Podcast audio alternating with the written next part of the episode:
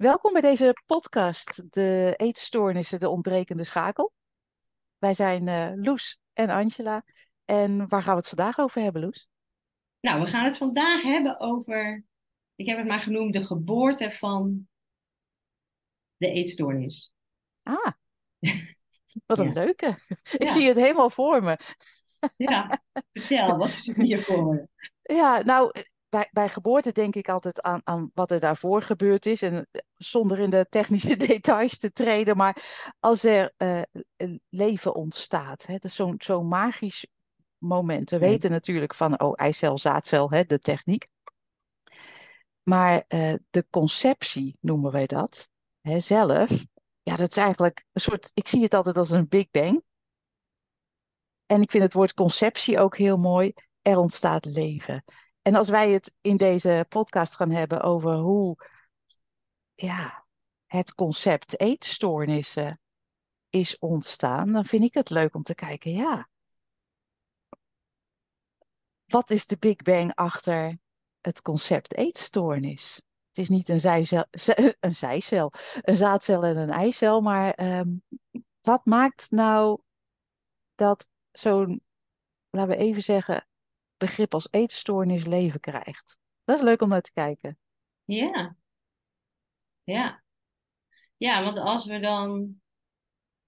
Ja, ik, ik neem aan dat de luisteraar zelf wel een beeld heeft over eetstoornissen. Want anders heb je waarschijnlijk niet gekozen om naar deze podcast te luisteren. Dat is een aanname, maar daar ga ik maar even van uit. Um, en uh, ik, weet, ik weet nog wel in de tijd dat, uh, misschien is dat wel mooi om gewoon even uit, een verhaal uit de praktijk, hè? Ja. mijn praktijk, uit de, uit, de, uit de tijd dat, um, nou eigenlijk moet ik gewoon met mezelf beginnen, dat ik jong was. Mm-hmm. En een beetje liep te rommelen met eten, om het zo maar even te zeggen. En mijn moeder mij meesleepte naar de huisarts. Uh, van nou, maar, maar dit uh, bepaald gedrag uh, vertoonde ik blijkbaar, waarvan mijn moeder dacht, oh, dat is niet oké. Okay. En waarvan de huisarts zei, ach, ja, ach ja, nou het is een modeverschijnsel. Gaat wel weer over als ze wat ouder wordt. Zo. Ja. ja? ja. Dus um, die wilden het niet labelen. Hm. Die wilde het niet labelen. Maar mijn moeder nam daar in ieder geval toen geen genoegen mee. En ik ook niet denk ik. Ik had dus voor mezelf ook wel in de ga, ga ergens blijkbaar opgezocht van, oh, dit gedrag vertoon ik. Ja. Hè, dat google je even. Ja. En dan komt eruit, bij mij komt eruit, ik had bulimia. Ook een soort eetstoornis. Ja. Uh, en je hebt meerdere soorten natuurlijk. Uh, dus dan, hè, als je dan even goed kijkt, dan is er dus bepaald gedrag. Nou, in dit geval toets je dat in. Of je, of je googelt of je gaat naar een huisarts en die zegt: Oh, maar als je dat gedrag vertoont, dan noemen wij dat, nou in mijn geval, bulimia. Ja. Nou. Ja, ja. interessant hè. En, en wat we vaak zien is dan dat dat concept bulimia, hè, een van de eetstoornissen die wij gelabeld, uh, als zodanig gelabeld hebben, een heel eigen leven gaat leiden. Dus we zeggen niet meer van, oh, af en toe heb ik eetbuien en dan kots ik uh, mijn eten uit.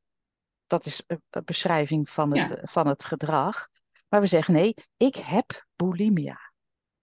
Ja. En dat vind ik al een soort beweging die in mijn ogen niet handig is. Kijk, dat we, dat, dat we even een, een, een, eh, een woord ervoor gebruiken, dat kan natuurlijk. Maar je gaat direct ook de richting in van stoornis, van ja. niet normaal, van gedrag wat behandeld moet worden. Met een misschien inmiddels behandelplan, wat, wat vanuit verschillende stromingen ook weer verschillende dingen in kan, in kan houden. En ik moet zelf denken, ik sprak laatst een, een, een jong meisje en die zei van ook, oh, ik ben die was alleen ja, angstig, laten we even zeggen. Gevoel, gevoelens, er waren sensaties in dat lijf en, en gedachten in het hoofd, uh, die, die we kunnen labelen als angst. En uh, zij zei, ik ben heel bang dat ik een eetstoornis krijg. En toen mijn mond viel eigenlijk open, ik dacht van, oh, zijn we inmiddels, zijn, er, zijn we zover of zijn er mensen die aannemen dat een eetstoornis een ja, iets is als het beeld wat ik kreeg, een teek die uit de boom komt vallen of zo, en die, en die je dan ineens hebt? of een, eh, een virus, als dat bestaat, een virus, een eh, verkoudheid die je op kan lopen doordat je in contact bent met iemand die verkouden is. Of ik vond het zo'n interessante uitspraak ineens, dat ik dacht, oh, maar dan zijn we echt volledig in verwarring over wat zoiets is. Dus laten we even teruggaan naar jouw bulimia. Dat is dan de beschrijving van gedrag wat er was. En ik, ik simplificeer het even. Af en toe heel veel eten en dan overgeven. Waarschijnlijk zijn er nog andere gedragingen. En dat was waarschijnlijk op dat moment ehm, voor jou wat je deed, omdat je je niet fijn voelde. Ja. Zoals we allemaal dingen doen, uh, omdat we ons niet fijn voelen, onzeker voelen of leeg voelen of verdrietig voelen. Of, of ik noem even een paar labels voor, voor verschillende gevoelens. Hè? Ja. En um, dat, dat willen we niet. Het voelt naar, het voelt verkrampt soms, het voelt, het voelt gewoon niet fijn. En dan kan zo het dergelijk gedrag ontstaan om dat even, dat gevoel niet te hebben. He, want even heel veel eten is dan heel lekker. Daarna komt er wat wij noemen schuldgevoel of, of um, angst om dik te worden bijvoorbeeld. Of, nou, ik noem maar, ik, ontstaat dus weer een gevoel. Daar willen we vanaf. Oh, dan moet dat eten eruit, is dan de oplossing. Dus we zijn steeds bezig met het oplossen van gevoelens. En eigenlijk, dat doen we natuurlijk door middel van dit eetgedrag. Maar het zou ook iets anders kunnen zijn. Zelf, uh, in mijn praktijk, uh, van mijn eigen ervaring, ging ik zelf altijd heel veel sporten. En um, ja, dat is dan een soort, wat wij noemen gezonde oplossing. Maar het is natuurlijk ook niet heel fijn als je dat niet kan laten, hè, als het dwangmatig wordt. Dus het is heel interessant dat we het gedrag labelen en vervolgens het gedrag gaan behandelen. In plaats van te kijken van, oh, maar hoe zit dat nou met die gevoelens? Hoe zit dat nou met het mens zijn eigenlijk? Hè? Ja. Gedachten, gevoelens, dat is iets wat iedereen uh, heeft. Wat bij iedereen speelt gewoon. Ja. Ja. Ja, en dan daarmee verwijs je eigenlijk, denk ik nu even stiekem naar uh, de, ontbreken, de, de, de titel van onze podcast, De Ontbrekende Schakel. Ja. Dat hebben we natuurlijk niet voor niks zo genoemd. Ja. Uh, want in alle onschuld, hè, ja, als je het niet weet, weet je het niet. Nee. Maar um, in, in, in, een later deel van mijn leven, hè, waarin de drie principes uh, ja, aan mij bekend werden gemaakt of zoiets. Of mij, dan moet je, ik weet eigenlijk niet eens hoe ik dat moet omschrijven, want opeens waren ze er gewoon. Werd, ja. Werd, ja, opeens waren ze er. En ze schenen er altijd al zijn geweest, maar dat wist ik, hè? onschuldig misverstand. Maar in ieder geval door, door uitleg van, hé, hey, maar hoe werkt dat nou dan? Hè? Als dat, die menselijke ervaring. Uh, werd voor mij opeens heel inzichtelijk van, oh, ik, ik zit naar een bepaald gedrag te kijken. En blijkbaar heb ik daar, en daar, daar, zijn gedacht, daar gaan gedachten aan vooraf. Ja. Uh, dat kan ik niet anders waarnemen als via de, denken. Nee. Maar hè, vanuit die drie principes is eigenlijk is alles nog neutraal. Hè, er is een denkkracht, er is bewustzijn en er is leven. Die drie hebben een samenspel. Je kunt ze ook, hè, als, eigenlijk is het één, maar ja, het is opgesplitst in drie. Maar uh, daar is het denken nog een neutrale kracht. Ja, zoiets als zwaartekracht. Zoiets als zwaartekracht, dat is gewoon, dat is wat wij allemaal als mens, hoe wij allemaal als mens ja, tot stand komen, zou ik eigenlijk willen zeggen. Um, en um, met het, ja, ik noem het nu nog maar even het persoonlijke denken, geef je betekenis aan iets wat je waarneemt. Iets wat van zichzelf neutraal is, krijgt betekenis. Ja, dat gebeurt gewoon. Dat is gewoon wat er gebeurt. Ja. Het is aangeleerd, hè? betekenis. Dat is echt aangeleerd. Ja. En dat zie je ook bij kleine kinderen. Hè? Van, ehm, nou, zoals je zegt, Loes, elke ervaring die we hebben als mens komt tot stand door middel van die drie principes, door middel van die wetmatigheden, zoals alles op aarde ook naar beneden valt. Dat is gewoon wet van de zwaartekracht. Die drie principes zijn psychologische principes. Jij zei al terecht, ja, ze zijn eigenlijk één en dan wordt het heel spiritueel. Maar laten we ons even bij de psychologie houden, bij het mens zijn houden. Um, dus, dus alles wat wij, wat wij ervaren komt zo tot stand. Je wordt geboren in een wereld van denken, je bent bewust en, en, en je leeft. En er is in wezen niks aan de hand. Er kan natuurlijk huilen zijn en er kan, er kan, er kan ontspanning zijn en dan weer even verkramping en dan weer ontspanning. Dat is gewoon hoe leven beweegt. Niks aan de hand. Maar op een gegeven moment gaan we, ook weer in alle onschuld, het is altijd onschuldig, als ouders vaak al die uh, bewegingen namen geven. We gaan ze labelen. Al die gevoelens gaan we namen geven. Oh, ben je verdrietig? Oh, ben je bang? Oh, ben je boos? Oh. En soms nog ja, in allerlei gradaties hè, wordt aangeleerd. En daar is in wezen niks mis mee voor de communicatie. Alleen wat, waar we ons in vergissen is dat, dat we als ouders heel vaak uh, onderscheid gaan maken tussen gevoelens die we willen stimuleren en gevoelens die we liever niet willen. En ik noem even een heel simpel voorbeeld. Stel, een kind is boos. Kleintjes, die gaan wel eens even helemaal uit hun plaats. Bij voorkeur op een plek waar jij er geen zin in hebt. Zoals bij de supermarkt. Heel erg veel boosheid. Dat, dat kan.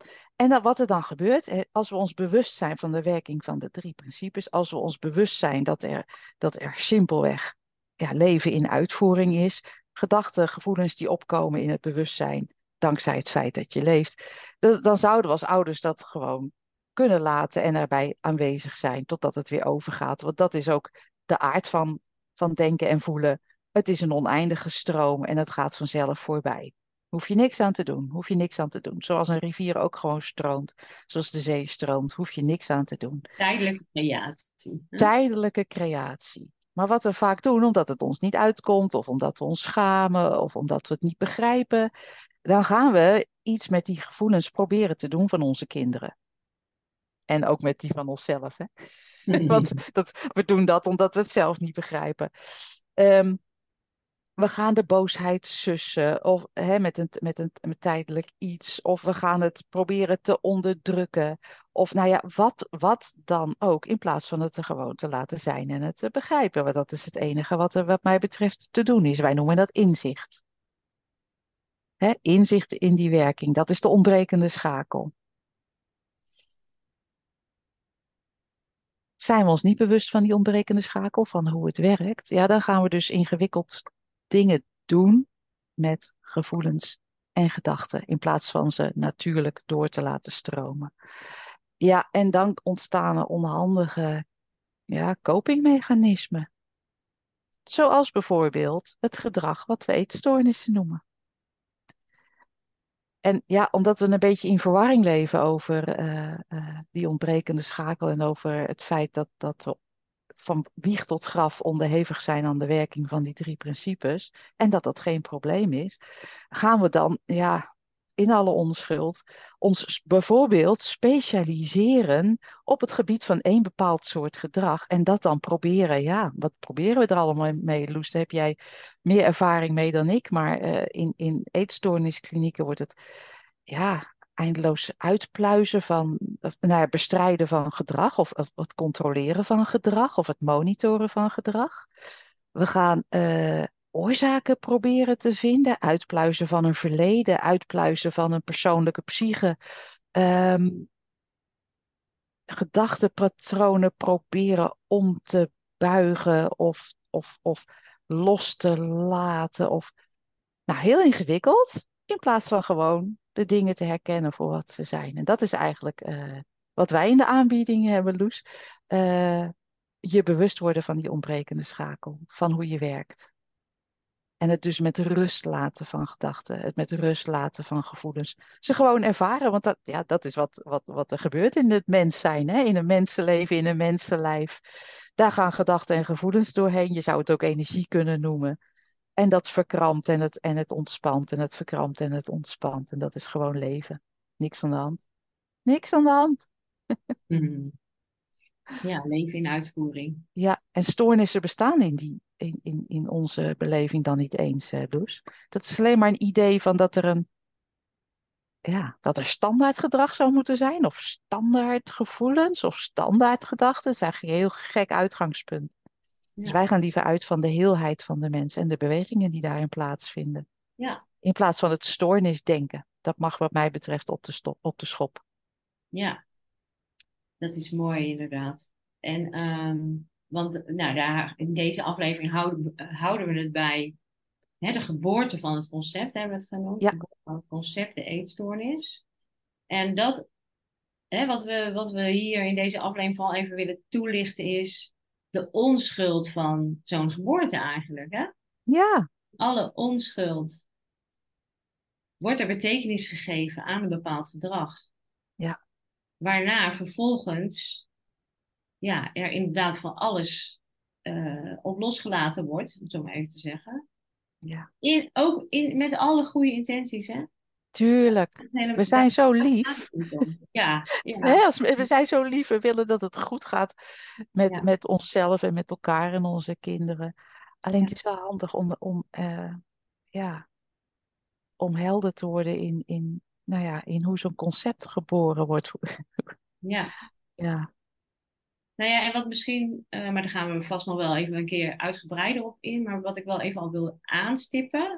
Misschien wel leuk voor de luisteraar om daar gewoon eens even over, zelf over te mijmeren. Voordat wij dat gaan doen. Van, je kan jezelf ook afvragen van, uh, hè, over dat waarnemen. Wie neemt er waar? En ja. nou, iedereen kent ook vast wel situaties dat, dat er, weet ik veel, tien waarnemers waren. Tien getuigen, zullen we even zeggen, van de situatie. En alle tien hadden ze een ander verhaal. Ja. Andere belevenis. Ik had van de week nog, ja, van de week nog een gesprek met, uh, met, met een gezin. Die waren op vakantie geweest. En, uh, en uh, een van de ouders zegt, nou super, ontspannen vakantie, super fijn. En de andere ouders je kijken zo van, nou waar heb jij het over? Ik vond, ik vond het helemaal niet ontspannen. en een totaal tegenovergesteld verhaal kwam daar los, zullen we even zeggen. Ja. Denk, hè, ze zijn op dezelfde vakantie geweest. Ja. Wie maar heeft zie je ook, hè? Ja, de ervaring komt van binnenuit, hè? Dat is ook Ja. zo'n zo'n aspect wat wij willen benadrukken. De ervaring komt echt van binnenuit en daar hoef je niks mee, alleen te realiseren dat het zo werkt. Ja. En In de tijd- elke ervaring, hè? En elke ervaring. Ik Ja. weet nog in de tijd, hè, een, een andere persoonlijke achtergrond. eh, in de tijd dat mijn kind gediagnosticeerd was met een eetstoornis. Vond ik het gewoon logisch om tegen, als mensen vroegen van eh, eh, wat er met hem aan de hand was. Dat was wel heel duidelijk te zien. Ja, hij eet, hij eet eh, minder dan, dan, de, dan de norm. Of hij eet niet. Ja, ik eet op dit moment ook niet. Als er geen betekenis aan wordt gegeven, dan blijf je ook veel rustiger en helderder. Hè? En dat kan je natuurlijk niet faken. Je kan niet jezelf opleggen om ergens geen betekenis aan te geven. Dat, dat, Nee. dat gebeurt vanzelf. Maar waar wij graag eh, willen eh, toe uitnodigen, is kijken van, ja, maar hoe, hoe gebeurt dat? Ja. Hoe wordt dat geboren? Ja, betekenis, Ja. een concept. ja, dat is wel mooi inderdaad. Want dat is eigenlijk eh, de start. Ja. De start. Ja, om daar eh, op verder te gaan de volgende keer trouwens. Ja. Eh, maar dat is wel mooi om... eh, dat is eigenlijk van waar uit, als ik voor mezelf spreek, ik mensen begeleid. Ja. Wees nieuwsgierig naar Ja. de betekenis. Ja. En waar komt dat, waar komt dat, ja, waar is die geboren? Zou ik bijna willen zeggen. Ja. Ja. Maar voor nu denk ik dat we, Ja, Eh, Loes, zijn we rond? Ja, voor de geboorte van het concept zijn we rond. Tenminste, voor nu, wie weet. Ja. Geen ons opkomt, want dat weten we ook niet, hè? Maar En eh, voor, we spreken elkaar binnenkort weer. we spreken elkaar weer. Doei! Doei.